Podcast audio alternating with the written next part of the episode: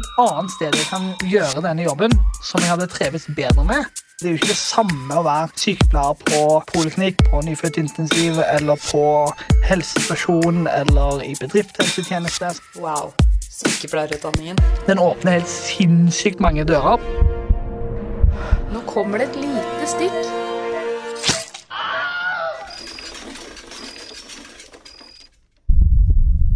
Velkommen til en ny episode av Hjelp, jeg er sykepleier. Den sporty mannen jeg skal intervjue i dag, har en ganske så innholdsrik CV. Jeg husker ikke alt, så jeg har med et lite utdrag fra Facebook-profilen hans her. Chief Operating Officer for Able. Tidligere styreleder for Tromsø Militære Samfunn. Tidligere styreleder for Fagdik AS. Tidligere offiser for Forsvaret. Studerte Operational Psychology ved Universitetet i Bergen.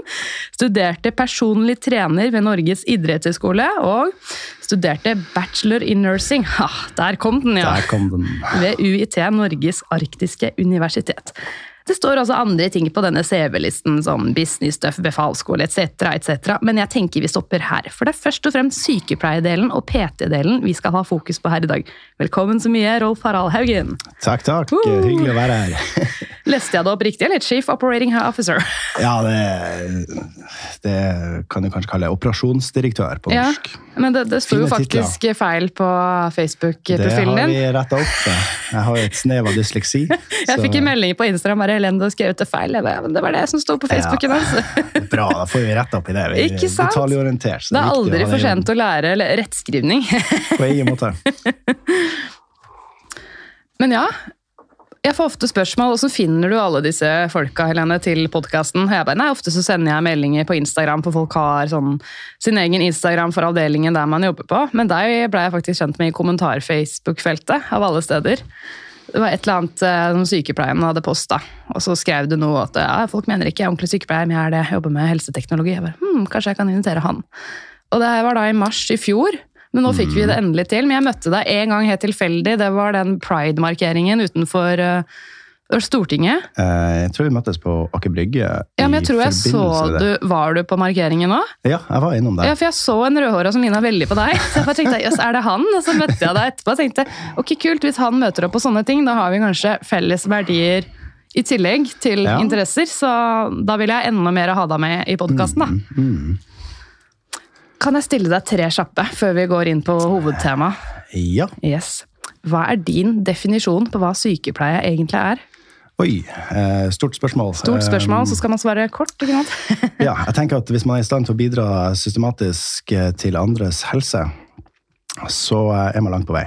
Eh, Det må ikke være hjelp etter at en skade er skjedd. Absolutt. Hvis man klarer å bidra før det skjer en skade, eller før det skjer en hendelse, eh, så er det også sykepleie i mine øyne. Og jeg har jobba mye i det perspektivet, det forebyggende perspektivet. da. Da er vi allerede i gang med den røde tråden for Yes. episoden. Jeg Yes. si at jeg faktisk fikk starta den. Det gjorde jeg. Dette er første gang jeg spiller inn nå i studio etter nyåret. Ja. Men så langt går alt smooth. Hvorfor ble du sykepleier? Ja, det er jo en eh, litt sånn lang historie. Eh, jeg har jo hatt interesse for førstehjelp, blant annet. Eh, og hadde jo det som eh, litt interesse i Forsvaret. Eh, og har eh, eh, på en måte hatt det, som du nevnte, som en rød tråd eh, gjennom den karrieren. da. Eh, jeg bestemte meg jo for å bli sykepleier og slutte i Forsvaret eh, i 2004. Og gjorde jo det. Eh, Starta på første året da, og endte opp med rett og slett å etter hvert gjennomføre sykepleien da, med, med en utdanningspermisjon fra Forsvaret. da. Så det ble liksom- ikke helt det første året. Det er ikke så mange som blir det. Litt sånn uh, brutalt sagt så syns jeg egentlig at eh, uh, Egentlig både utdanninga og selve opplegget i forhold til at jeg hadde allerede da gått en del på skole og gjennomført befalsskole og deltatt på en rekke kurs, så syns jeg opplegget og nivået var eh, ikke Det sto ikke til forventningene, for å si det sånn. Og såpass at det da var det vel egentlig første gang i mitt liv jeg slutta på noe uten å fullføre det. Oi, hvordan føltes det? Så det var litt sånn nederlag. Eh, Ja. Men eh, jeg valgte egentlig å ikke slutte, men å ta permisjon. Mm. Så jeg tok permisjon, eh, og eh, når den permisjonstida gikk ut, så fikk jeg jo på en måte ja, beskjed om at jeg enten måtte fullføre, eller eh, eh, da si fra meg plassen, da, eller, eller miste retten til å starte på andreåret. Oi. Og da søkte jeg utdanningspermisjon, siden jeg var begynt å jobbe i Forsvaret igjen, og fikk jo da det. Så jeg gikk jo to av årene med lønn fra Forsvaret, da, mot at jeg fikk eh, garantert jobb i ettertid, eller plikttjeneste, som det også heter. Ikke sant? Så det var en veldig, veldig fin løsning, da. Men sammenligna du på måte, sykepleierskolen veldig med militæret? Eh, nei, jeg, i Forsvaret så eh, er det jo lagt opp sånn at man skal lære mest mulig på eh, kortest mulig tid, eh, og på en måte ha eh, egentlig maksimal effekt av det man lærer. Fordi at eh, hvis man ikke lærer det man skal, så er i verste fall døden alternativet. For det man lærer, er jo alvorlig, da. Og det samme er det jo på sykepleien. Mangelfull kompetanse vil jo i verste fall eh, kunne påføre pasientene eh, feilbehandling eller utilstrekkelig behandling eller eh, mangelfull eh, på en måte eh, ønske om å hjelpe, da. Så, så det, det er litt sånn sammenlignbart, fordi jeg syns at eh, tida ikke ble brukt helt uh, hensiktsmessig. Da. Det var mye, mye venting, mye ledig tid i timeplanen, lange dager uten opplegg. Ja. Du burde kanskje tatt deg en prat med Katrine Krøger. Vet du hvem hun er? Nei? Nei, Hun var med i min aller første episode i podden. Hun har jo skrevet flere sånne kronikker der hun kritiserer sykepleierutdanningen. Ja, altså, jeg tenker sånn at uh, istedenfor å kritisere, så kan man kanskje bidra med løsninger. Eh, og løsningen i mine øyne er jo kanskje å se kanskje på utdanninga om den gir den effekten man ønsker. Og et måleparameter er hvor mange fungerer eh, moderat til optimalt i jobb etterpå, og hvor lenge fungerer de, dem som har utdanna seg. Mm, Nå skal det sies at hun fullførte, hun òg, sånn som deg. Ja, mm. ja. Og man ser jo at det er jo, det er jo et, egentlig et høyt antall turnover. Ja, det er det. I hvert fall første året. Ja, ja. Eh, Og pluss at en ting er jo dem som fullfører, men mange av dem som fullfører studiet, eh, blir jo heller ikke stående i jobb. Og det er jo kanskje eh, på en måte en sammensatt årsak til det, men det er i hvert fall ikke at utdanninga er helt optimal. Det kan man kanskje være enig om. Jeg skal lage en egen episode om selve sykepleierutdanningen, faktisk, med en høyskolelærer, så det blir spennende. Eh, ja, så det, der kan man kanskje se litt på nye eh, bruk av teknologi, som vi skal snakke litt om i dag. Absolutt. Eh, nye muligheter. Det å se liksom på hvordan man selekterer, hvem man motiverer til å søke. Og om man eh, rett og slett har nok robusthet i utdanninga til å stå i et krevende arbeidsmiljø. Så det tror jeg, det tror jeg man kunne gjort mer på, da. Mm. Altså hvordan skal man optimalisere ivaretakelse av egen helse for å fungere i en krevende Ja, det lærte man ingenting om. Nei, det er jo helt Bare ta vare på alle andre til man blir syk selv. Ja, ja. Det er jo Skjønn det, den som kan.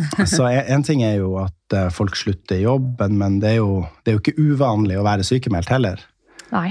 Så, så det må man jo òg se på, da, om eh, totalbelastninga eh, yrket medfører, eh, blir eh, forstått i løpet av utdanninga. Altså at man skjønner hva man går til, og at man forbereder seg optimalt til det. da. Mm. Men det er jo en litt lengre diskusjon, kanskje. for- Ja, så jeg tror vi må hoppe til siste Ja. på tre kjappe. I anførselstegn.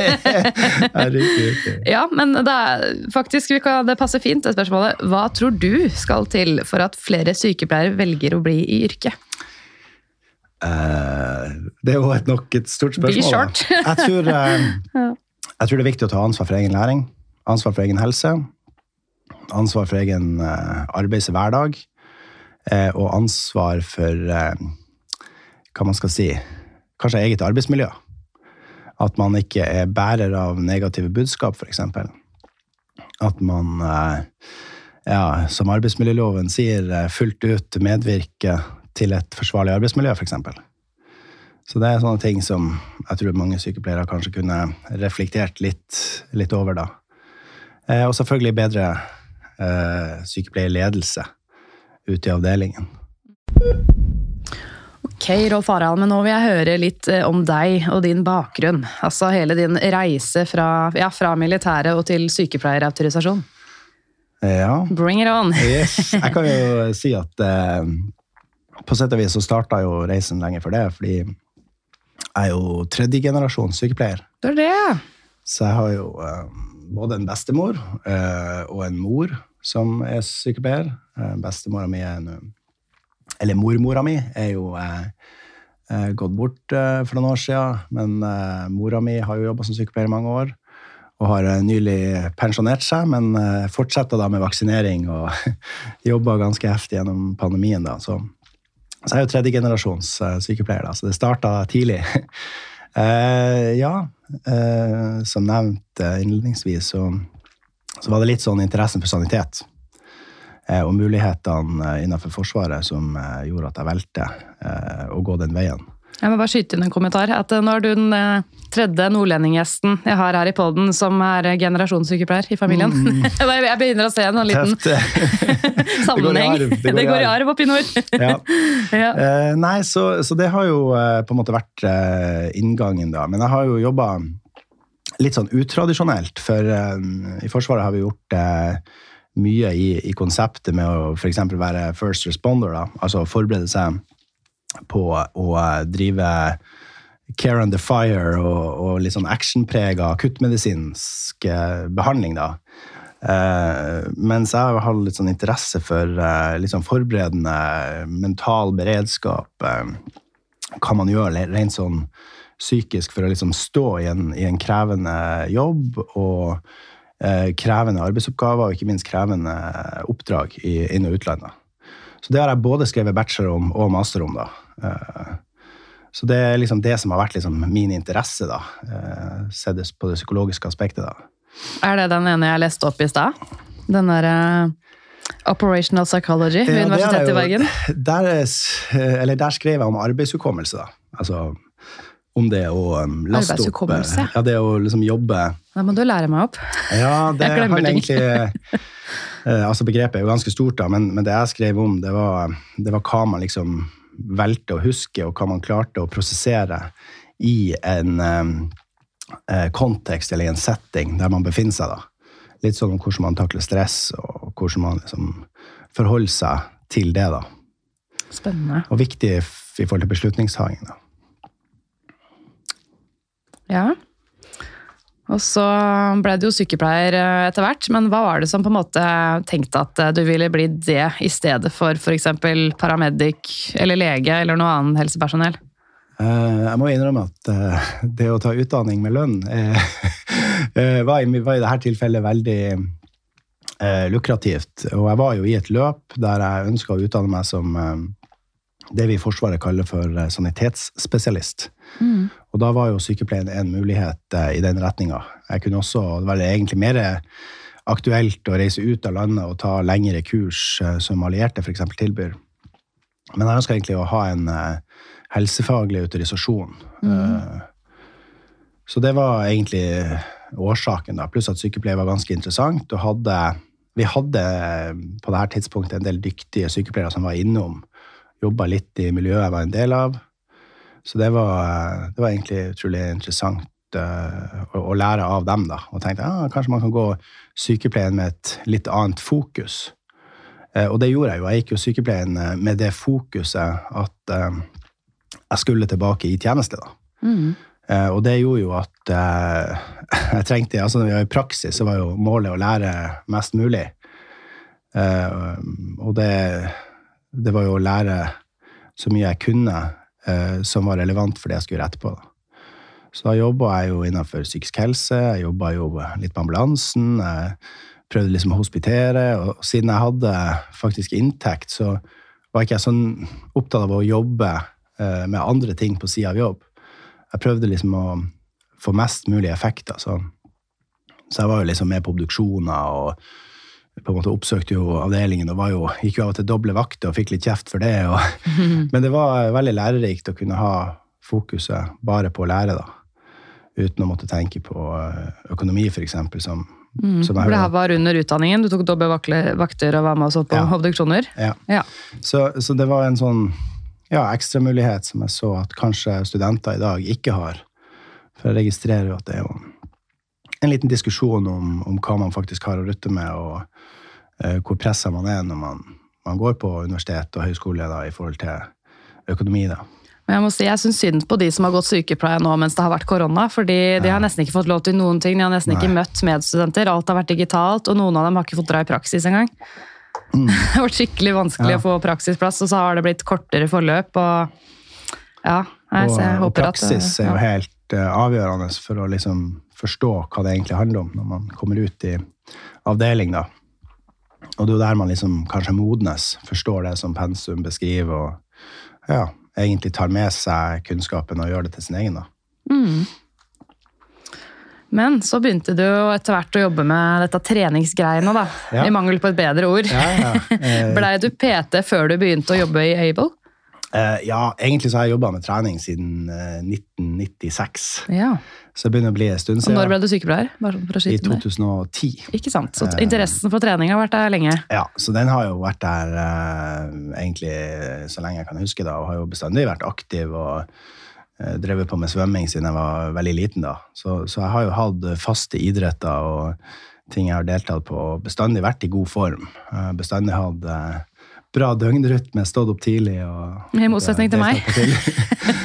Nei, så det er jo eh, en forutsetning da, for å ha god helse, at man liksom bruker kroppen for, for den er litt sånn ment for, og det er jo det er jo regelmessig aktivitet og frisk luft, tenker jeg. Så, så det har jeg gjort lenge. Eh, Og var vel egentlig PT før man begynte liksom å snakke om personlig trener. på en måte. Så var jeg liksom, drev jeg treningsveiledning egentlig helt fra 2009. eh, Og hadde den første fulltidsjobben i Forsvaret som idrettsoffiser i 2002.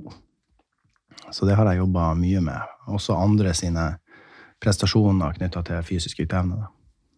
Men du tok en PT-utdanning på Norges idrettshøgskole? Ja, Ja. Eh, det gjorde jeg faktisk det året jeg slutta i Forsvaret, eh, Ja. som var 2013. Så det er ti år siden. Eh, så jeg tok PT-utdanninga etter sykepleierutdanninga. Eh, men jeg tok den litt allerede da, husker jeg, med et litt sånn helsefaglig perspektiv.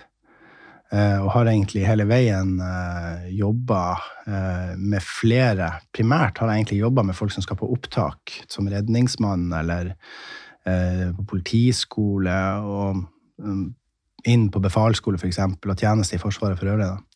Så det har vært eh, ganske bra. Det har jo vært egentlig lite, en lite mengde folk, da. Eh, fordi at det er ikke så mange som skal prøve på opptak, og det er ikke så mange som skal liksom inn hvert år, da. Eh, og så er det jo også sånn at dem som skal inn, dem er jo Ja, de er, de er egentlig i god form allerede, da. Så de trenger egentlig bare litt hjelp, da. Eh, og litt råd for å enten klare det eller ikke. Og når det er tre måneder igjen til et opptak, så er det veldig lite egentlig jeg kan gjøre for å bedre fysikken. Jeg kan gi noen tips og jobbe litt skadeforebyggende og si hva de ikke skal gjøre, men, men grunnfysikken er det for seint å gjøre noe med, da. Ja. Litt annerledes enn det jeg på min jobb. I dag så ble jeg kjempefornøyd når pasienten klarte å gå til do med rullator i Ja. stedet for prekestol. Ja, ja og, det, og det er jo viktig å ha med det perspektivet. Jeg har hatt det perspektivet veldig de siste dagene med min pasient. Mm. Og, eh, og det siste året så har jeg jo jobba på en helt ny måte. Da har jeg jobba for å få dem som er inaktive, aktive. For å få dem som eh, ønsker å gå ned i vekt, ned i vekt. Eh, For å få dem som på en måte ikke fungerer i hverdagen, til å liksom ha det bedre. Nemlig, og nå er vi inne på kjernen i denne episoden, Yes. for nå vil jeg høre om Able, dette gründereventyret, denne treningsappen. Ja. Fortell om Able og hva det er. Eh, Det er jo litt morsomt, fordi at eh, jeg kom i kontakt med en av gründerne av selskapet eh, for litt under to år. Eh, Og det var egentlig en veldig bra opplevelse, fordi at Able representerte jo noe jeg hadde leita etter. En mulighet til å systematisere og effektivisere oppfølging, slik at man kunne nå ut til flere. For det er ganske mye arbeid å sørge for eh, eh, treningsplanlegging, aktivitetsplanlegging, eh, restitusjon, å holde eh, god kontroll på hvordan eh, folk utvikler seg, eh, med tanke på prestasjoner og hvordan de gjør det. Eksempelvis kanskje opp mot et opptak, der det er bestemte krav som skal oppfylles, og gjerne krav innenfor mange ulike disipliner. Da. Så jeg så jo på eh, Able som en mulighet, og som på en måte et, et verktøy jeg kunne bruke. da. Hvordan kom du i kontakt med disse folka? Nei, altså det er faktisk litt artig, for at jeg så, det, eh, så jo det her i avisa. Og jeg skulle jo ha ei forelesning eh, i helseteknologi på det her tidspunktet, siden jeg jobba på universitetet. Så jeg kom jo i kontakt med han gründeren som heter Simon, da, i den forbindelse. Og vi hadde et møte som gikk utrolig bra. Eh, og så fant jeg bare ut at det her gikk så bra, og jeg fikk vite enda mer om konseptet. Eh, og fikk bare mer av lyst til å høre mer. Og eh, så tok jeg et nytt møte, og da var det bare Da hadde jeg tenkt litt på mm, hvordan man kunne optimalisere det litt, hvordan man kunne kanskje utvide funksjonaliteten, og hva man kunne bruke det til. da. På dette tidspunktet så var det kun en treningsapp. Og det vi begynte, eller det jeg hadde forslag om, det var jo å på en måte tenke enda større. Fordi at behovet for å eh, hjelpe folk med atferdsendring er, er jo ikke bare til folk som skal på opptak, eller idrettsutøvere, eller den som allerede er i bra form. Eh, Hovedutfordringa i samfunnet er jo kanskje den som er inaktiv. Så vi begynte å se litt eh, ganske raskt på det, da, og hadde noen forslag i den sammenhengen. Så det ene førte til det andre, og så ble jeg tilbudt jobb. Eh, rimelig fort. Eh, men vi var jo i en sånn eh, fase at det var jo ikke noe sånn voldsom omsetning i selskapet, og det var jo egentlig et lite selskap med, med noen tanker om hva man kunne få til i framtida, da. Så da begynte vi å Jeg husker Noe av det første jeg sa, det var at han gründeren måtte begynne å eh, kommunisere utad litt mer. Eh, måtte kanskje reise litt mer, vært litt mer til stede i sør, og, og jobbe mindre som personlig trener. Eh, som han eh, gjorde på det tidspunktet her. Og hadde veldig mye fokus på rent operativ leveranse. da. Det å være på jobb på gulvet og sørge for at folk eh, får bedre helse. da. Eh, så vi begynte ganske raskt å, å jobbe utadretta, da. Eh, og det førte jo til en eh, Det her var våren 2001. Det førte til at det ganske raskt skjedde skjedde mye. 2001? Nei, 2021. Ja, ok. Jeg tenkte, har, det, har det vært så lenge? 2021. Eh, nei, så, så det var eh, Det var egentlig veldig artig å erfare, da. Så, så den høsten 2021 så skjedde det utrolig mye. Vi begynte å rekruttere folk. Vi begynte å utvide teamet skikkelig, legge gode planer og, og en strategi for hvordan uh, framtida skulle bli. da. Ok. Vi, Rekke opp hånda. ja, ja. Jeg har ikke lyst til å avbryte deg, men det- ikke sant? du vet jo veldig godt hva Able er. Jeg vet hva Able er, for jeg har prøvd det. Men Ja. eh, alle lytterne tror jeg ikke nødvendigvis vet hva Able er. Du sa i stad innledningsvis at, at det var en app. Men hva slags app? Hva kan man gjøre med den appen? Er det treningsøvelser, eller er det matplaner? Hva, Kan du gi en kort introduksjon av hva Able er for noe? Ja, du kan si at Able består jo av eh, flere deler. Det ene er jo at det er, som du sier, en applikasjon som du får på eh, iPhone eller på eh, Androiden. Smarttelefoner. Eh, Smarttelefoner, du må ha fargeskjerm. Ja. ikke noe klapptelefon. Eh, og i den appen så samvirker du og interagerer eh, med en fagperson.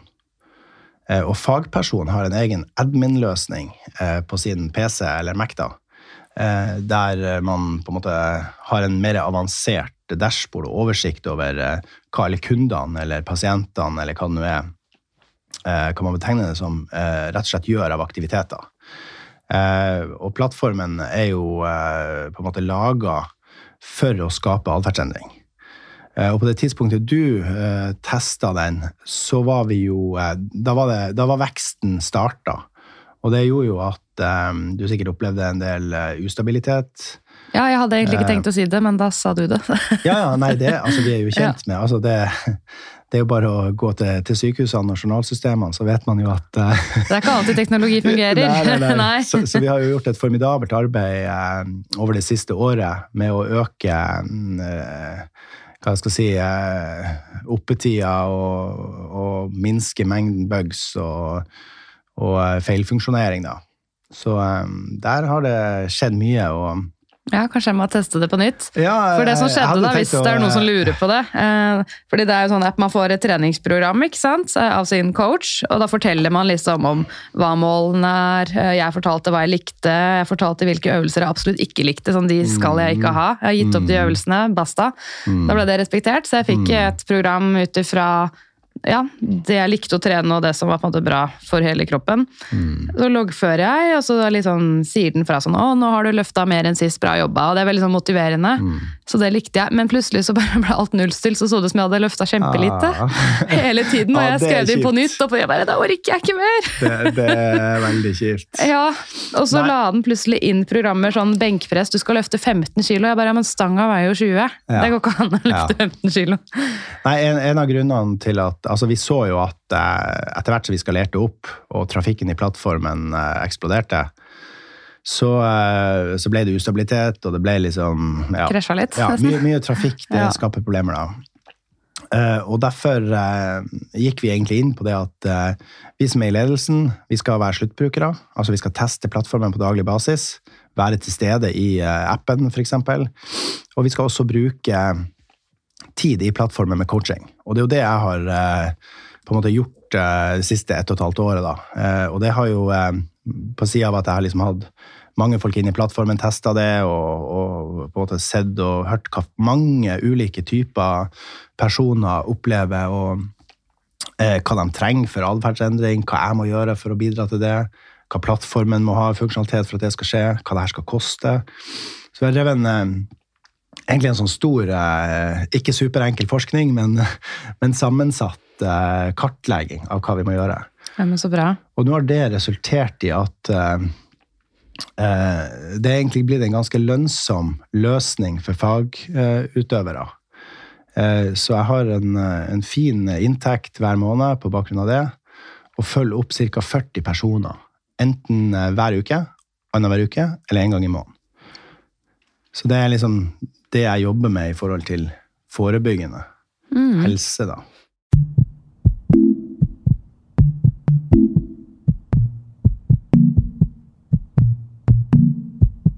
For jeg tenkte om du kunne fortelle litt mer hva dine roller er, for du har jo en litt sånn der chief operator-stilling, men du er også coach, eller helse-PT. Ja. du, du kan jo ta det tørre greiene først, og så kan vi gå inn på Ja. helse-PT-greiene. Er Rent sånn overordna så, så er jo det å på en måte være eh, nestleder i et selskap eh, ganske krevende i seg sjøl. Vi har jo vært gjennom en eh, kjempestor vekstperiode.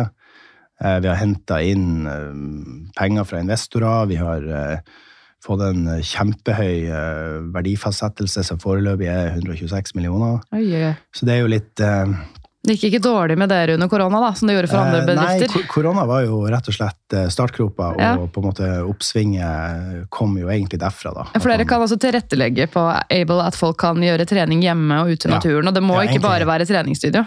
Nei, eh, du kan si at eh, treningsstudio er jo, er jo vel og bra, og alle bør kanskje være innom treningsstudio noen ganger i måneden, eh, og kanskje noen ganger i, i uka, men, men jeg har veldig mange som har egentlig starta hjemme. Starta ute med at uh, den kanskje går raskere tur med hund, f.eks. Ja, for det er ikke alle som liker seg på treningsstudio. Noen syns det er helt forferdelig å være der. Ok, men da går det an å ta trappetrening eller svømming, Ja, eller det er veldig ja. mye annet man kan gjøre, da. Så, så rent den der eh, ledelsesfunksjonen min, det handler jo om å sikre finansiering. Det handler om å bygge team. Har akkurat gjennomført en, eh, en grundig rekrutteringsprosess der vi hadde elleve kandidater i utgangspunktet til eh, Chief Financial Officer. hey. Som er den som er øverste Hva er det på norsk igjen? ja, egentlig økonomisjef. Ok. Eh, Men det er en mer avansert økonomisjef som ikke bare skal liksom betale regninger, men skal sørge for at alle analyser og på en måte predikasjoner går i orden, og at vi har de tallene vi trenger, og at, ja, at alt går i orden på det økonomiske planet. Da. Så det har vært en grundig rekrutteringsprosess som, som jeg har leda, eh, med jobbintervjuer første gang, andre gang, og referansesjekker og på en måte masse kommunikasjon. og det med rekruttering er jo utrolig viktig, fordi det er mange hensyn å ivareta i sånne prosesser. da. Spesielt når det er eh, folk med lang utdanning involvert, som er i fungering i andre jobber, f.eks. Man skal liksom kommunisere med mange på riktig tid, eh, med riktig budskap, eh, før man vet at den man kanskje ønsker mest, har sagt ja, f.eks. Mm. Så det har vært eh, Det gikk mye til det i november og desember, da.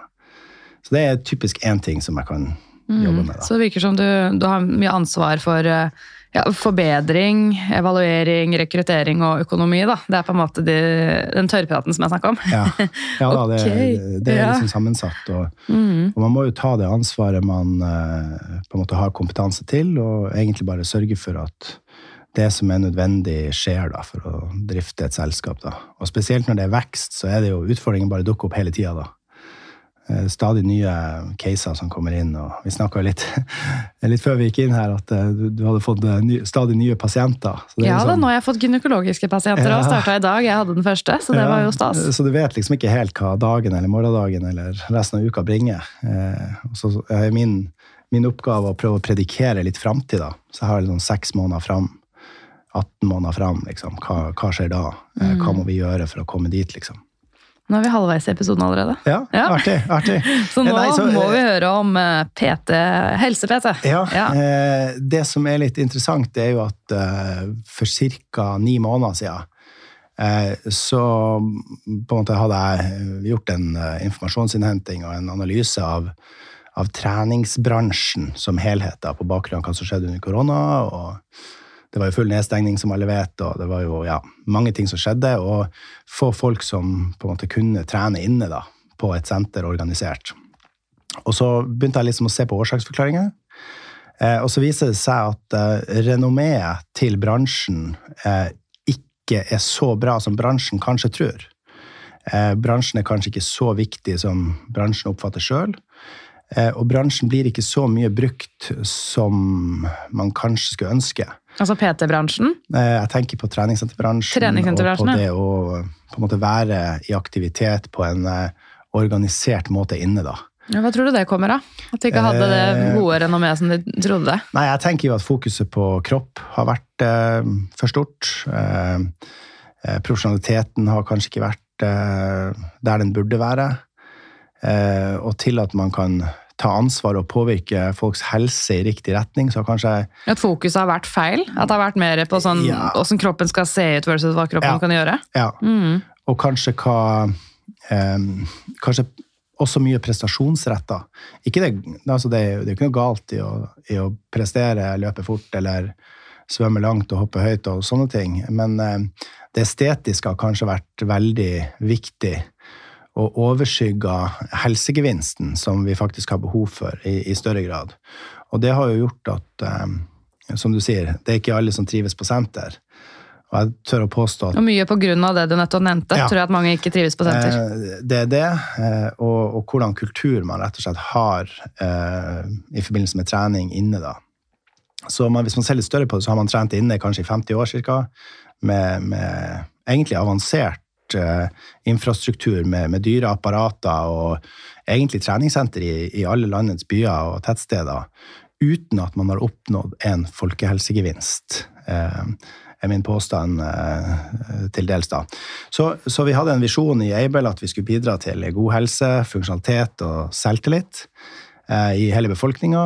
Og, og da måtte vi jo gjøre noe eh, for å bidra til at det her eh, renommeet ble bedre. Så da tok jeg faktisk eh, eh, i starten av året i fjor, eh, og så tok jeg tak i yrkesetiske retningslinjer til sykepleierne, mm -hmm. til fysioterapeutene. Jeg tok en del, kall det arbeidsinstrukser og regler fra ulike senter, og ja, egentlig ramme for hvordan yrkesutøvelsen skulle være, som på en måte var bra hos enkelte. Og så smelta jeg det sammen til yrkesetiske retningslinjer for eh, personlige trenere, da, eller yrkesutøvere i, som skulle bruke plattformen, da, var planen. Og det her var det jo flere som syntes var bra. Og vi fikk jo gode tilbakemeldinger. I starten var det litt sånn her, hvorfor skal vi ha det? Og, Men det er noe nytt, vet du. Folk er skeptiske ja, til noe nytt. Ja, det er endring. Og, og så, eh, så det idrettsfaglige, altså dem som på en måte hadde bachelor eller master innenfor idrett, skjønte jo kanskje ikke så mye om hva det her handler om. Men eh, alt av helsepersonell eh, tenkte jo at dette, Mm. dette er jo på en måte eh, selve fundamentet i en profesjonsutøvelse. At man har en felles eh, faglig norm, på sett og vis. Så det var, det var starten da på det som etter hvert ble begrepet helse-PT. Som vi egentlig definerte som etterlevelse av yrkesetiske retningslinjer. Egentlig tydelige code of conduct, altså arbeidsreglement på det senteret eller i den senterkjeden man, man jobber i, eh, og at man eh, utvikler en forståelse for det å samarbeide. Eh, det å kanskje drive tverrfaglig samarbeid. Eh, for å komme seg dit at man i framtida kanskje vil lykkes med det vi diskuterte tidligere, henvisning til veileda aktivitet. At rett og slett legene kan hjelpe til eh, og, og, sende eh, pasienter i retning av fagpersoner som kan hjelpe dem eh, med sin forebygging, forebygging, i forhold til hjerte-kar, i forhold til eh, diabetes type 2 eh, overvekt ja, En del av de problemstillingene som, som mange sliter med i dag. Da.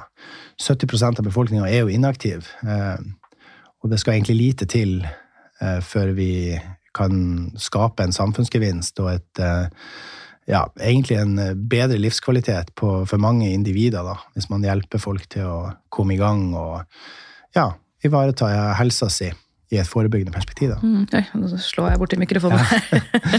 Nei, så, så, det vi egentlig har gjort, Eh, og det vi prøver å bidra til, er jo å utvikle teknologi, infrastruktur, eh, etablere nye nettverk, eh, få andre virksomheter til å samarbeide. Sånn at vi kan innovere bransjen og kanskje kommunikasjon og terskelen for å komme i gang med hensiktsmessige aktiviteter. Mm, ja, men det her høres jo veldig, veldig bra ut. Og interessant det du snakker om, at kunne man fått på en måte ja, trening på resept, da, mm. basically. Fordi alle går jo til legen ofte når man først har blitt syke. Ja. Når det først liksom har blitt et skikkelig problem med hjerte eller blodsukker eller vekta eller smerter pga.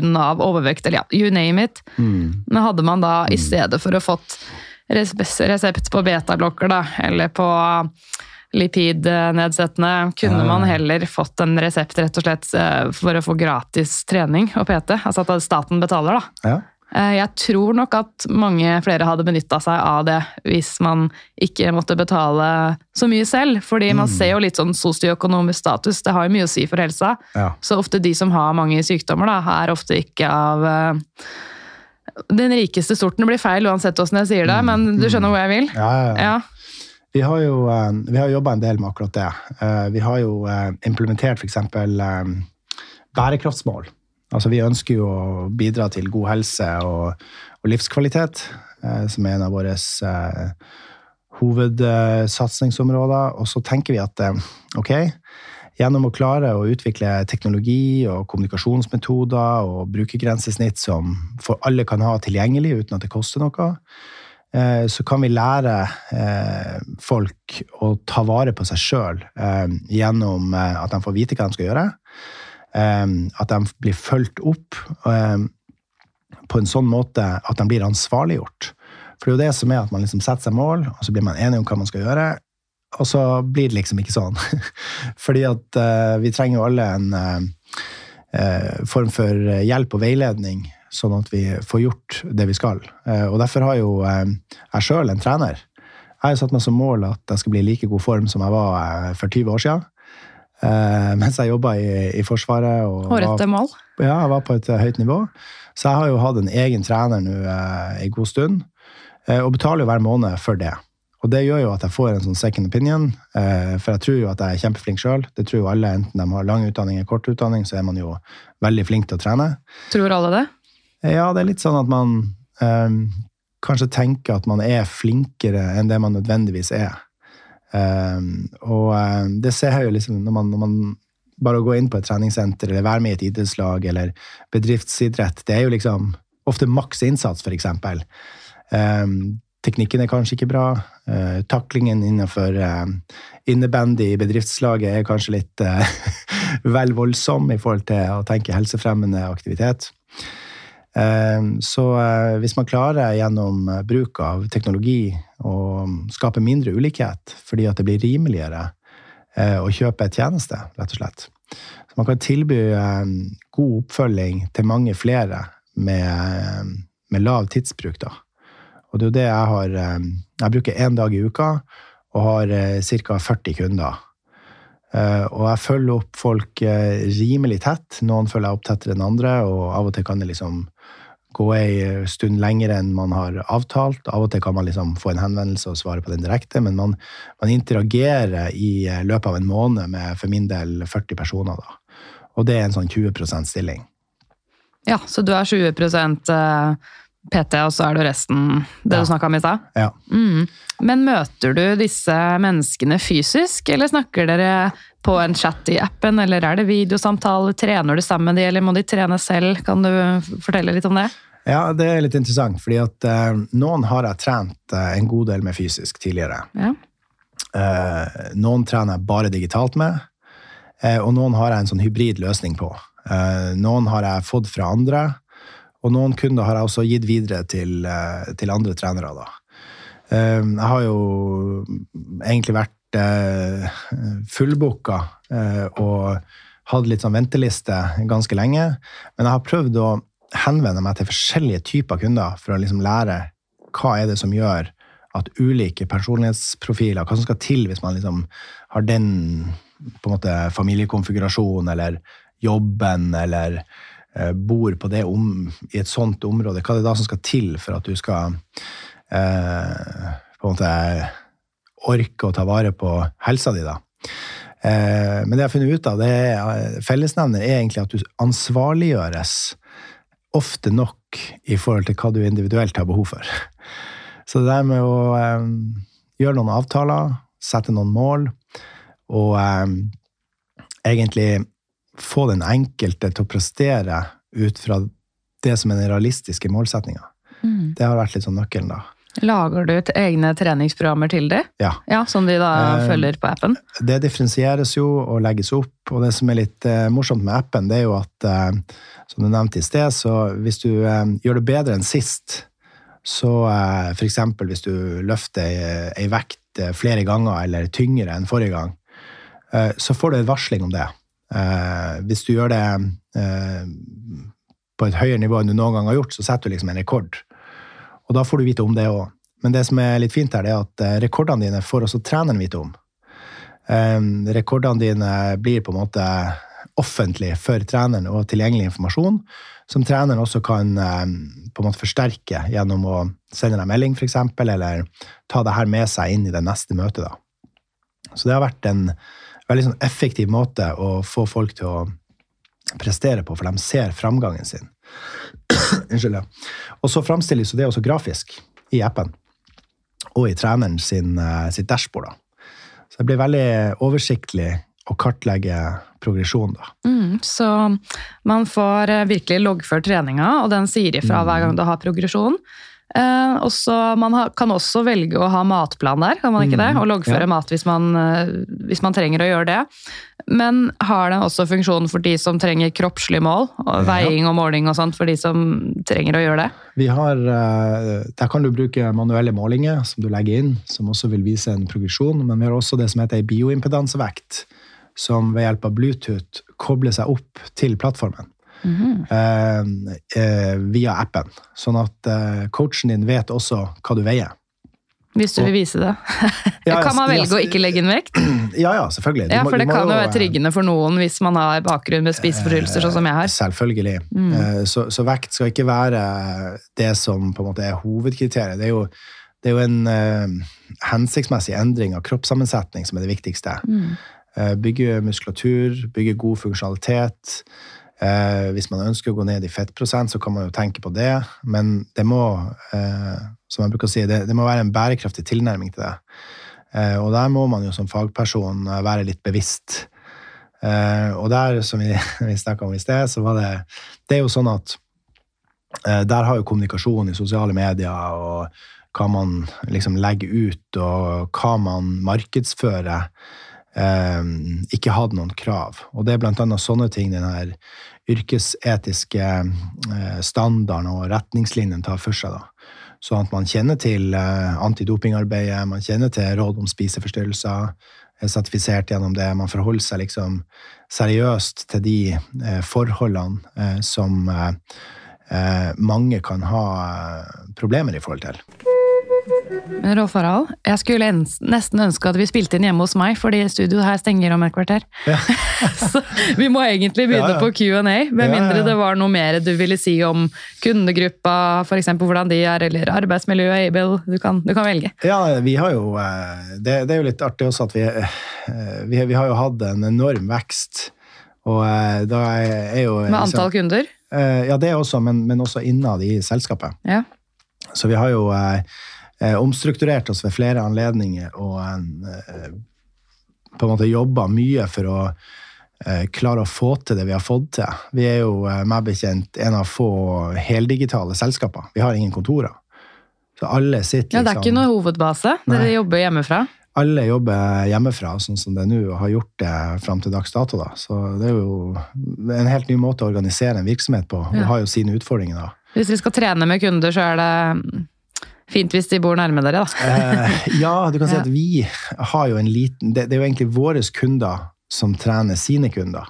Så de som jobber i Able, har jo ofte markedsføring og salg og på en måte utvikling av eh, applikasjon som sine arbeidsoppgaver. Eh, mens man samtidig tester kanskje litt med å Nå tenkte jeg mest på de sånn. som jobber som coach. Ja. Om de, hvis de skal trene med kunder, så må de bo liksom i nærheten. Da. Eh, Ja, det er, en, det er en stor fordel. Jeg har jo reist litt rundt i landet da, og har jo trent kunder der jeg har eh, vært. da. Så jeg har Mm. liksom kunder over hele, hele landet. Altså det, Det må være gøy, da. Å møte folk Ja.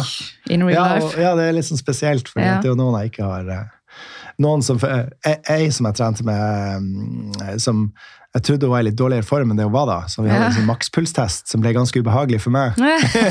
For Var det du som jo- fikk høy puls? Ja, ja, jeg løp jo eh, det jeg kunne liksom, for å holde tritt, så det var litt gøy, da. Mm. Men eh, hva er aldersgruppa på de som bruker Able, og kjønn, og ja, hva er en typisk kunde, på en måte? Eh, for min del så har jeg valgt eh, Jeg har ikke hatt noe begrensning. Altså Det har vært begge kjønn, selvfølgelig. Alle kjønn. og Mm. Fra ja, 18 til 68 har, Ja. har jeg da.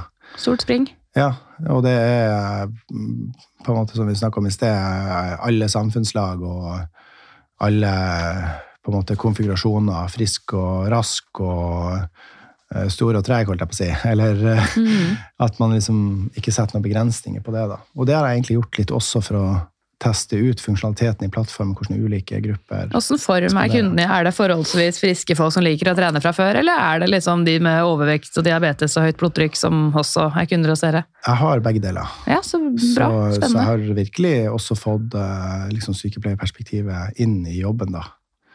Ja, for det var neste spørsmål. På hvilken Mm. måte bruker du sykepleieren i deg på jobben? Eh, en tradisjonell PT jobber jo veldig sånn på gulvet, gjennomfører en time, Her og nå? Liksom? ferdig snakka. Ja. Eh, og så aner ikke PT-en hva som skjer fram til neste gang eh, man møtes.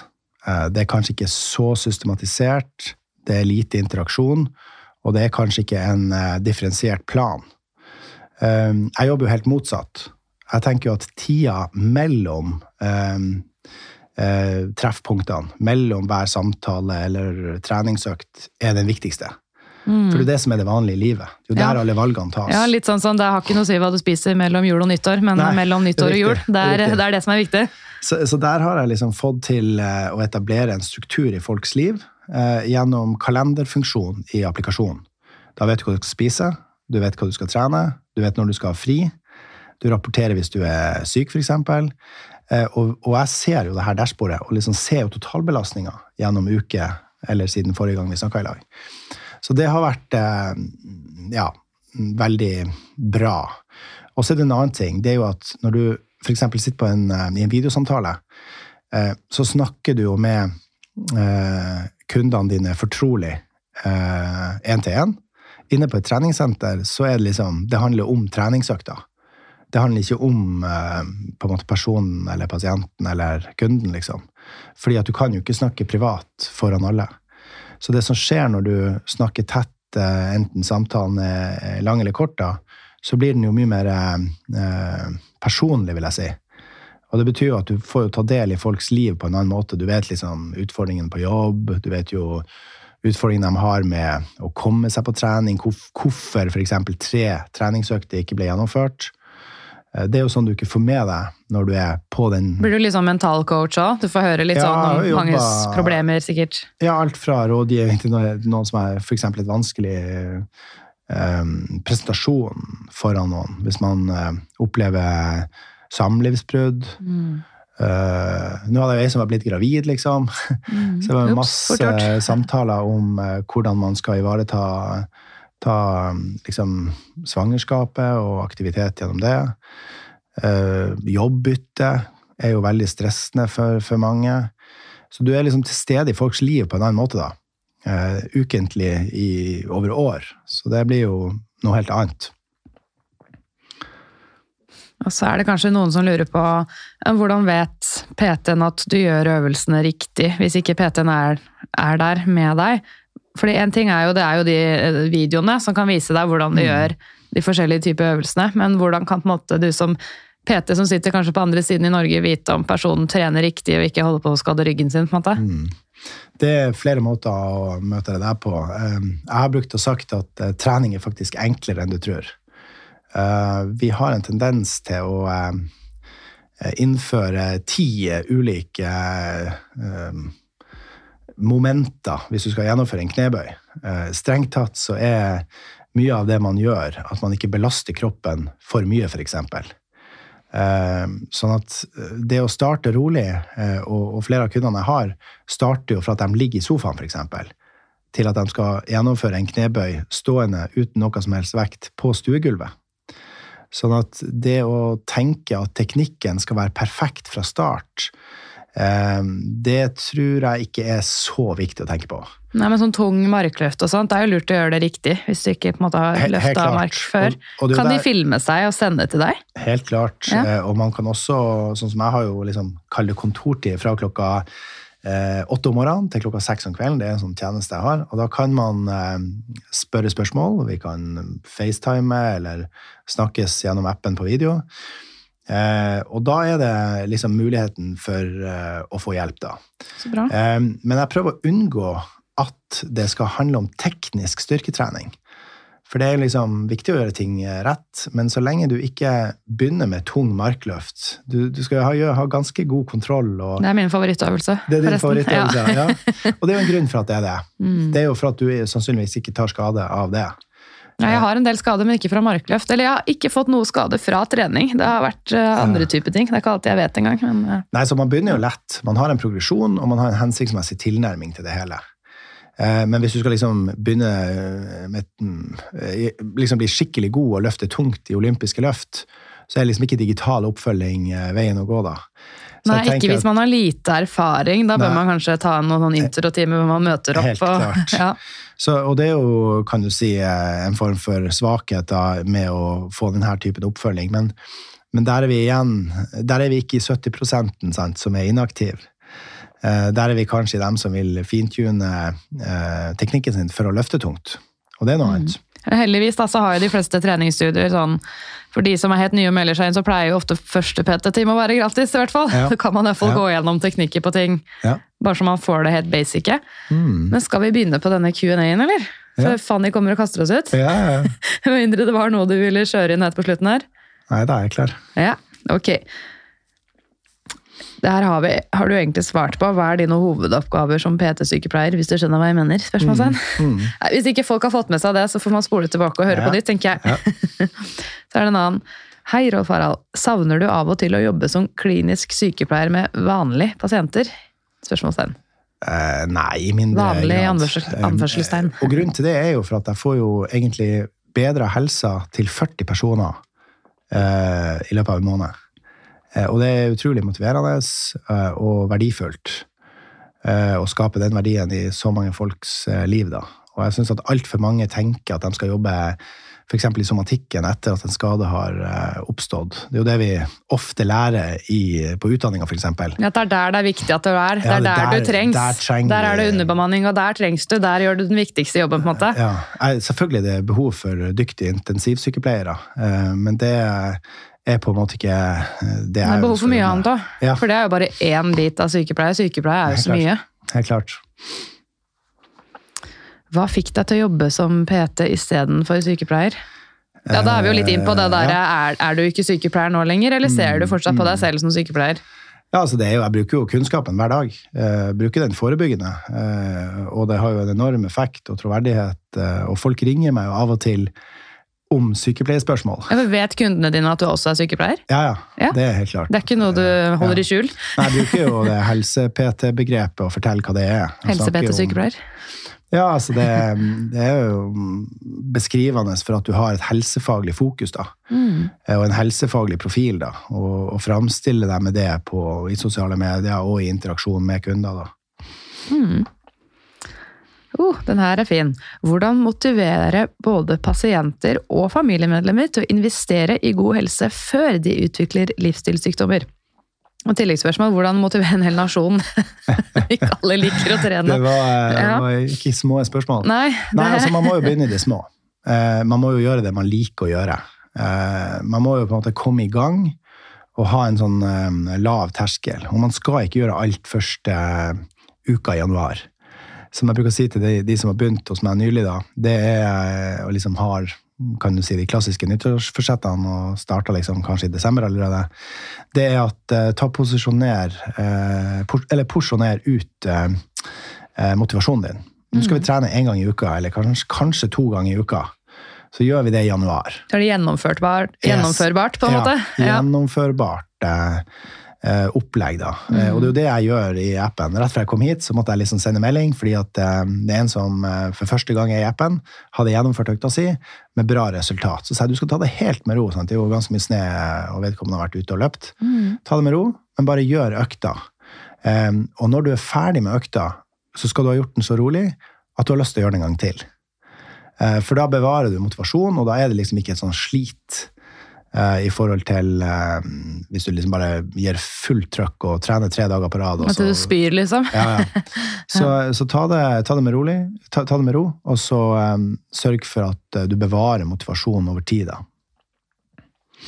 Det er gode tips. Og så tenker jeg sånn, det er, det er så mye skremselspropaganda ute, og kanskje det er ment godt at å, du kan få ditt og datt av sykdommer, og du kan bli sånn og sånn, og uffa meg. Og, så jeg tror det av og til er litt mot sin hensikt. Hva i stedet for å fortelle om alt det positive? Man kan få bedre potens av å trene, eksempel. Kanskje man, kanskje man blir litt mer motivert da? Ja, det, Eller mindre deprimert. Det er jo eh, studier som viser det. Ja. det er bra. Hva liker du best? Sjefsrollen din eller PT-rollen din der du utvikler kunderelasjoner? Uh, jeg vil si sånn 50-50. Ja. uh, du kan si at uh, sånn som det er nå, så er det jo utrolig lønnsomt for meg å jobbe som helse-PT. For jeg har utvikla en bra metode. Eh, så timelønna mi er tre ganger så høy, og av og til fire til fem ganger så høy. Er det bedre betalt enn klassisk sykepleierlønn? Eh, det vil jeg si, ja. Ja. Det kan vi jo snakke litt om etterpå, men jeg har liksom noen, noen meninger knytta til ja, Vi snakker jo veldig mye om sykepleierlønn, da, så jeg tenker at um, hvis flere sykepleiere hadde jobba litt sånn som meg, da um, eh, Fylt ut den prosentvise Altså opp mot 100 da, for det er jo litt sånn mange som jobber under 100 eh, Ja, jeg gjør det for å få mer tid til det her som jeg ikke tjener penger på. Ja, så kunne man kanskje hatt totalt sett ei veldig god årslønn, da, Mm. for å si det sånn. Ja, jeg kunne det hvis jeg hadde fått betalt for podkast. Men det får jeg jo ikke. Ikke ja, ennå. På, på litt lengre sikt så eh, får du nok det. Kanskje litt reklameinntekter. Vi får se. Ja, ja. Mm, ja, det snakka vi litt om i stad. Tror du det i, fem, i fremtiden blir mulig å få trening og PT på grønn resept? Ikke alle har råd til den luksusen, står det. Dere var jo på Stortinget. Ja, altså dere, Able, altså- Snakka dere om det da? Vi har jo gjort en analyse av eh, alt fra mm, på en måte lovgivninga vår eh, til eh, hva man har oppnådd på andre felter, f.eks. røykeloven. Ja. Nå er det jo sånn at altså, det funka jo bra. Ja, Røykeloven kom jo ikke av seg sjøl. Det har jo vært et arbeid som har pågått eh, der mange har vært eh, involvert, og riktige ting har blitt gjort på eh, riktig tidspunkt. og Norge var jo langt framme da. Det ble vel et helvetes leven da den først kom. Ja, ja, ja. Så alle, jo. apropos endring, som vi snakka om i, i sted. Ja. All endring gir jo kritikk, liksom. Men det, det gikk jo ikke så lang tid etter at loven var kommet, at hvis du, hvis du, gjorde, hvis du røyka inne, da var du jo på en måte enten alvorlig syk eller kriminell, liksom. Ja. Det, det var jo noe bare folk slutta med, eh, raskt. Og, og sånn er jo Norge litt. Eh, under korona så retta vi oss jo stort sett etter myndighetene sine føringer og, og lovpålagt eh, Ja, Bortsett fra de på grottefesten. Ja, grottefesten var jo liksom eh, hva jeg skal si, unntaket som bekrefter regelen. Ja. og, og det ble jo lange dommer av, av dem. Altså det, det ble slått veldig hardt ned på, da. Mm. Men Det var jo eh, livsfarlig. ja, Ikke pga. korona, men noe helt annet. Helt riktig. Eh, Aggregat innendørs eh, med eksos. Da kan man høre på podkasten NRK Oppdatert hvis man vil høre om grottefesten. Ja. Jeg har to episoder om det, faktisk. Så, så det, det jeg ser for meg, det er jo at det er et langsiktig arbeid, selvfølgelig. Det er, nå kommer ny folkehelsemelding nå på, i løpet av våren. Det er et nytt valg. Drømmen min er jo at valget ikke handler om bompenger, men at det kanskje handler om helse og sikkerhet, f.eks. Mm. Det vil bli nødvendig eh, fordi at vi har en eldrebølge på gang, vi har en befolkning som er stadig sykere, vi har mange som er inaktive, og vi vet jo at eh, frisk luft og aktivitet, eh, systematisk belastning eh, eh, og oppfølging av fagpersoner gir eh, bedring i helse. Hvordan tenker du at eh, bedre helse skal implementeres i lovverket? Nå har man basically forbudt røyking, iallfall på en del steder. Men Ja. skal man forby folk å spise sjokolade på mandager?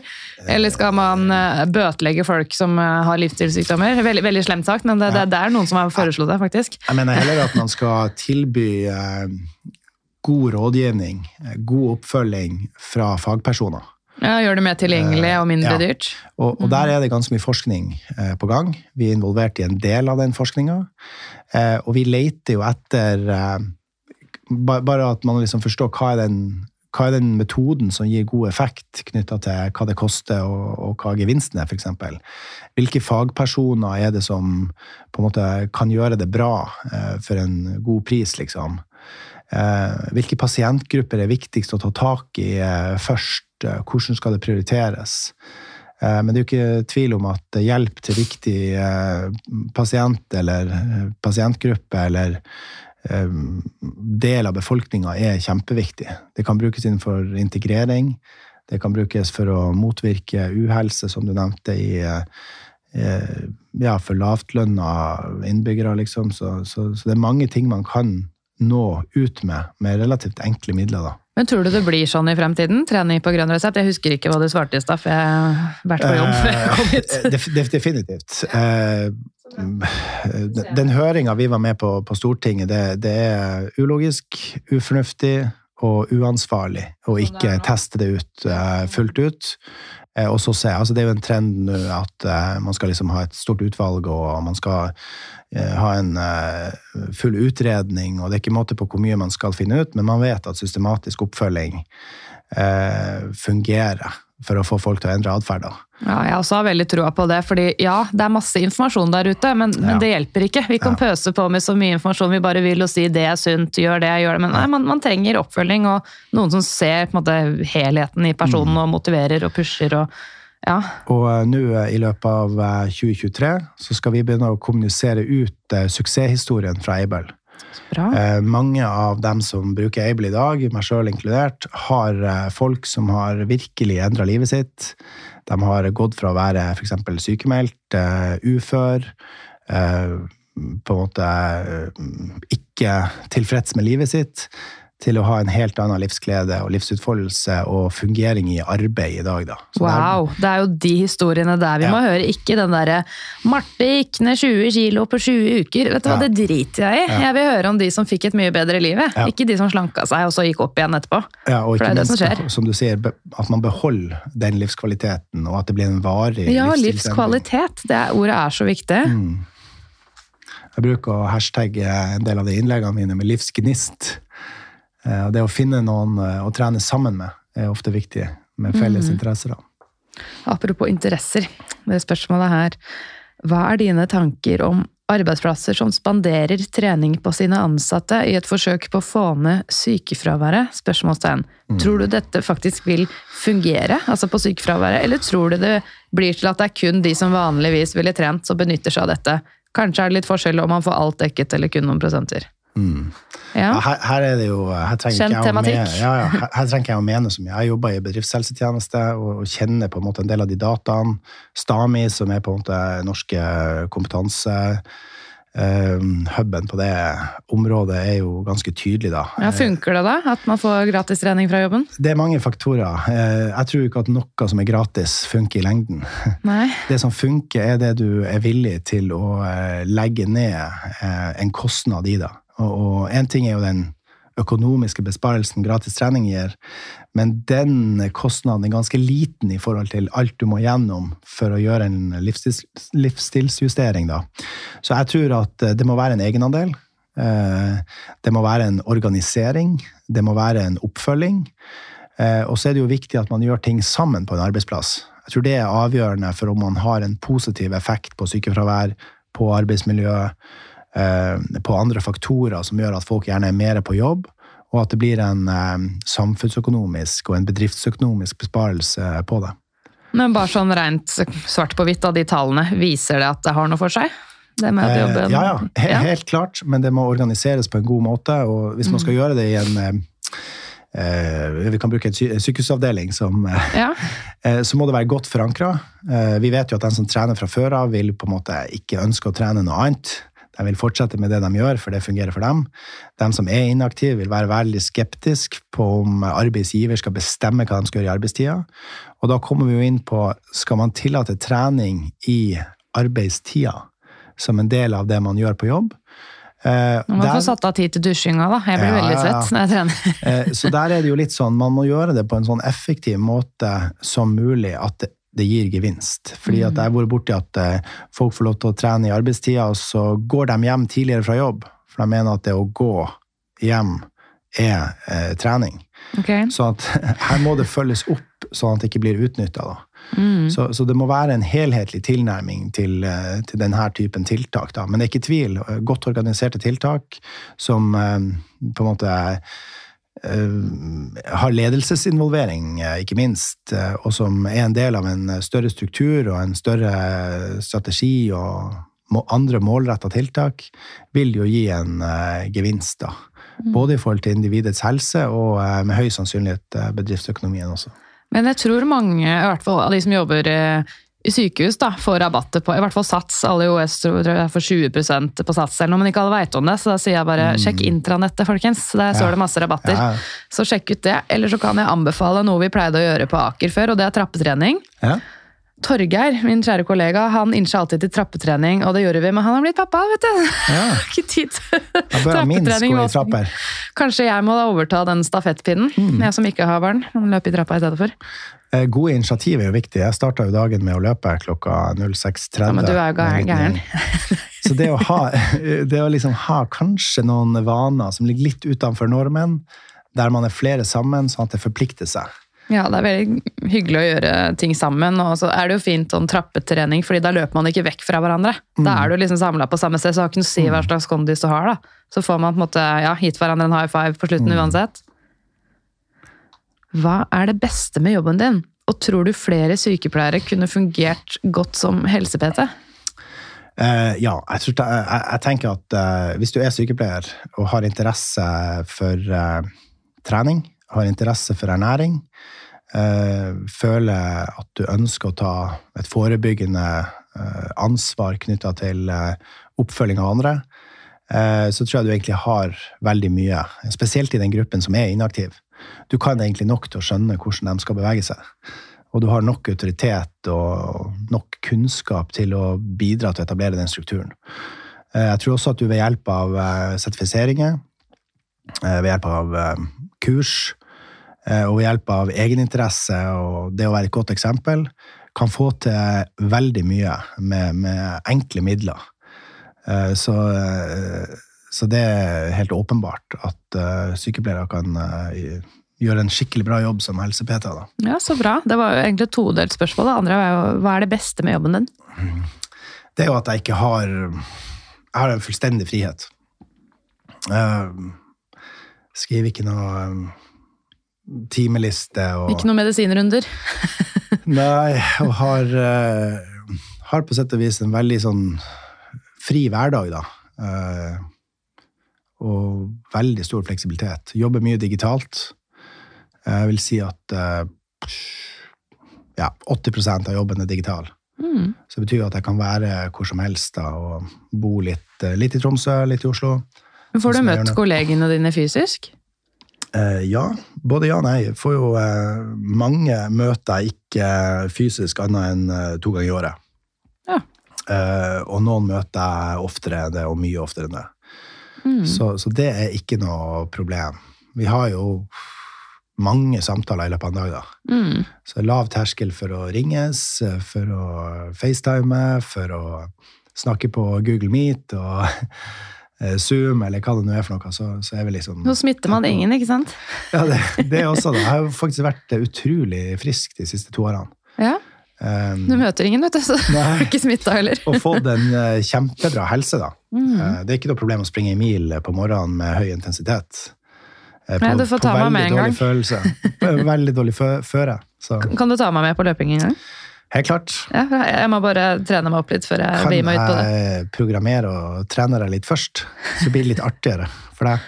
Jeg hater løping på vinteren. da. Jeg er en sånn Ja. sommerløper, og så er det liksom tunge løfter på ja, men Det er så kjedelig på den mølla. Å gud, det er så kjedelig. Ja, Hvis du vet hvorfor du løper. og bare Ah, Jo, jeg, jeg eh, vet jo hvorfor. Jeg, bare, jeg syns det er så utrolig kjedelig. Jeg liker å løpe i skogen. eh, gode podkaster om eh, Nei, jeg må ha sånn hardcore techno Ja, ja. trance-musikk. ja, Dunk, dunk, dunk, dunk, dunk.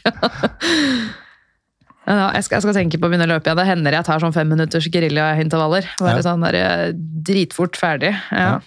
Ok. Uh, ja, det var nesten, eller det var ganske likt spørsmål. Da. Tror du sykepleiere som vil bli PT-er har fordeler med tanke på grunnleggende kunnskap om anatomi, fysiologi og sykdomslære? Uh, ja, men jeg tror kanskje ikke det er den kunnskapen som er viktig. Uh, det man egentlig gjør når man jobber som helse-PT, det er jo at det blir struktur, struktur i folks liv. Dokumentere, lære folk liksom å logge det de gjør. Eh, lære folk innsikt i egen helse. Sykepleierprosessen. Det gjør Yes, husker du den? Den kan man bruke yes, til alt. Sånn at eh, det å få folk til å endre atferd er nok kanskje det vi er flinkest til. Det å um, gi um, kunden innsikt i egen livssituasjon, da. Hva man må gjøre, da. Så jeg tror nok vi er flinkere enn en gjennomsnittlig PT på kartlegging. Årsakssammenhenger. eh, Se det større bildet, f.eks. Vi har kanskje et eh, annet etisk fundament. Vi er gode, bedre på dokumentasjon.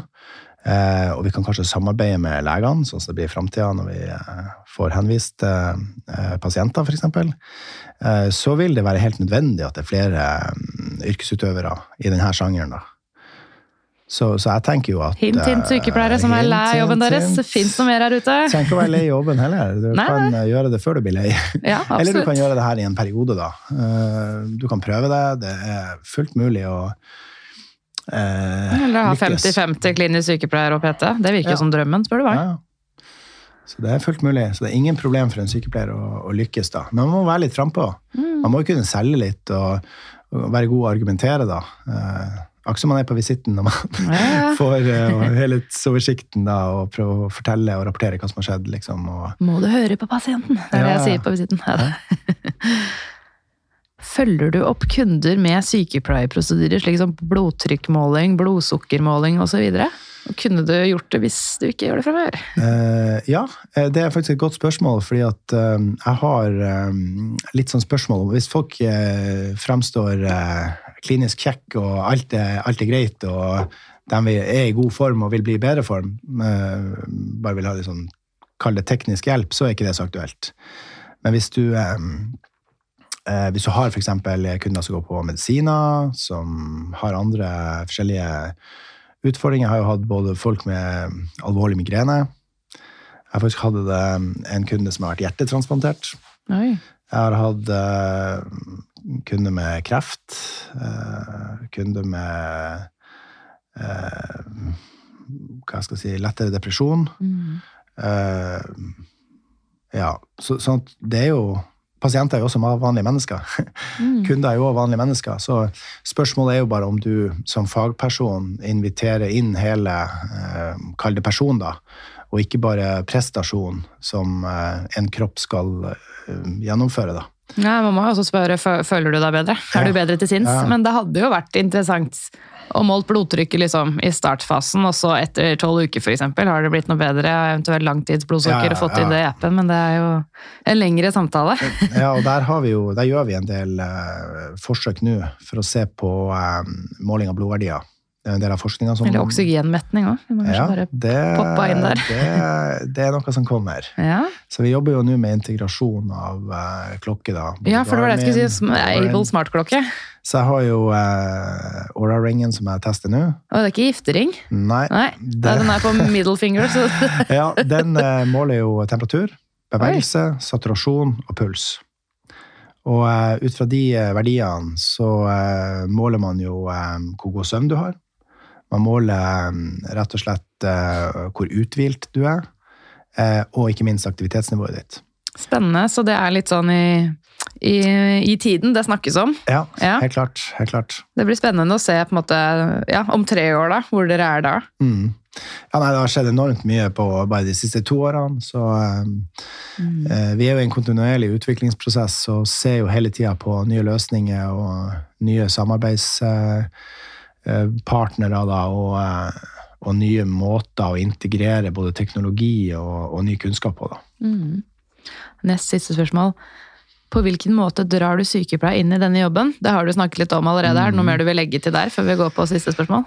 Uh, nei, jeg vil bare si at uh, jeg opplever i hvert fall at uh, alle har jo et eller annet spørsmål i forhold til egen helse. Eh, kanskje andres helse. Kanskje, som du nevnte i sted, ting de har lest. Mm. Eh, jeg vil jo si at det at du eh, er sykepleier, har jo lært deg kildekritikk. Mm. Det har lært deg unnskyld, hvor, eh, hvor du søker valid informasjon. Som du nevnte, altså i forhold til overskrifter. da. Ja. Du leser jo overskrifter litt sånn kritisk. da. Det er jo ikke sunt med et glass vin for dagen, liksom. For om noen sa det for noen år siden, så har det blitt hengende igjen da. Så det er en del sånne myter er litt lettere å avlive eh, når du har en autoritet som helsepersonell, for å si det sånn. Ja, men samtidig så var det jo en eh, forskningsartikkel som kom opp da som sier at 80% av alle sykepleiere søker kunnskap via kollegaer og ikke via å søke det opp selv. Det er bare ok, da håper jeg ikke det er sånn at de samme gamle rådene bare går i generasjon fra sykepleier til sykepleier. Jeg håper det liksom er noe nytt inni der. Eh, Det kan jeg lage en egen episode om. Faglig oppdatering. Og der er det jo eh, Der kan man jo se litt i hva man gjør. eh, For i masteren min så intervjuer jeg folk fra luftfartsnæringa og fra offshore. Og de har et helt annet sikkerhetsfokus, læringsfokus, endringsfokus enn det vi har i helse, da. Så de jeg intervjua fra helse, hadde, hadde litt mer lemfeldig tilnærming til um, Til ny kunnskap. Ja, Ja. til hvordan man lærer. Ja, men det er jo sånn hvis du har seks pasienter, da, og det er mye greier, og du, du lurer på noe, så går det jo mye fortere å spørre en erfaren kollega enn å sette seg ned og søke opp masse og lese masse artikler. Det tar jo lang tid. Å søke opp god informasjon tar lang tid. og ja. Jeg skal lage en egen episode om eh, akkurat det der. Eh, og det spørsmålet her, ja. Du ser glad for, du, du hoster mye, er spørsmålet nede. Jeg drikker litt vann. Drikk litt vann før jeg leser det opp. Skål! Skål! Nå popper vi champagnen her. Nei da, det er bare en flaske vann. Ja. Skal kjøre etter meg, så jeg vil ikke drikke noe. Ja, Drikker du alkohol, forresten? Du som er så sunn? Uh, jeg er ikke så sunn, da. Men jeg prøver jo å være litt sånn uh, bevisst. Uh, men det, det er egentlig eh, mye mindre, kan du si. Men du er ikke helt avholds, på en måte? Nei, nei, ikke- Du kan drikke champagne på nyttårsaften? Det gjorde jeg. Ja, si sånn. det er bra. Kanskje ikke så mye som deg, men Å, herregud. Skal jeg ikke snakke om. ja, siste spørsmål. Du ser glad og fornøyd ut. Er det noe slash noen som kan gjøre deg oppgitt eller lei på jobb noen gang? På jobb, eller På jobb, ja. Ja. Ja, selvfølgelig det det. Er jo eh, det er ikke sånn at man smiler og er glad hele tida, man har jo et eh, Ja, på en måte svingning i humøret som alle andre, men, men jevnt over så er jeg egentlig veldig fornøyd. Men er det noe at, eh, spesielt med din jobb som kan irritere deg? Bugs i systemet, f.eks.? Er det annet, noen fallgruver? Ja, du kan si at bugs i systemet opplever jeg egentlig kun fra én og én kunde, av og til, og i veldig liten grad. Så du kan si at eh, av og til er det jo liksom litt bugs, eh, enten du har en, en app eller en bil eller et kjøkken eller hva det nå er, så, så er det liksom en, en bugs, da. Eller dips og Metavision som klikker. Å, fy ja, faen. altså, Så lei. det er mye som skal fungere. Ja. Men eh, jeg vil ikke si at det er noe som frustrerer meg. Det kanskje, kanskje har vært en eh, stor reisebelastning i jobben. Men det har jo vært Du kan si at eh, treningsbransjen som jeg har besøkt mye de siste to årene, jo, består av veldig mye positive folk. Mm. Det er jo liksom Hallais, ja, skal du skal, skal dere ha ei treningsøkt mens dere er her? Og, ja, hva- altså veldig sånn positivt, da. Um, så eh, Nei, jeg vil egentlig ikke si at det er Det er ikke så mye som irriterer deg på jobb, rett og slett. Det er lov å si det òg. Nei, er det bare meg, eller dundrer det mye rundt der? Jeg skjønte litt sånn risting. Kanskje det er studiopersonalet her som er dritsure for at vi er på overtid? Ja, litt på overtid. Skal vi runde av? Ja, det kan vi godt Ja, gjøre. men Rolf Harald, tusen takk for at du kom og gjesta podden din. Ja, takk for at eh, jeg fikk komme. Det var veldig interessant å svare på de alle spørsmålene. Of course. Ja. Ok, tusen Flott.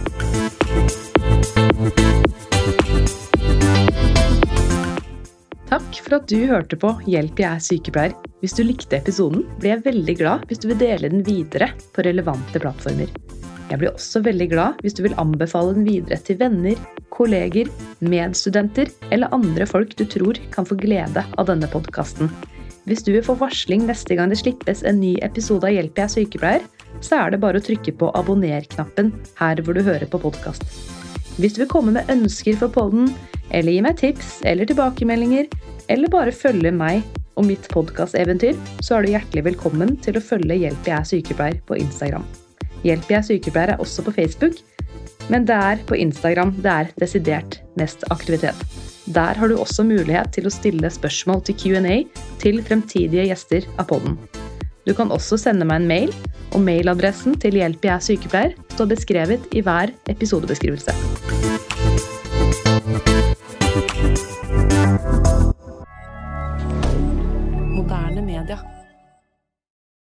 Har du et enkeltpersonforetak eller en liten bedrift? Da er du sikkert lei av å høre meg snakke om hvor enkelt det er med kvitteringer og bilag i fiken, så vi eh, gir oss her, vi. Fordi vi liker enkelt. Fiken superenkelt regnskap.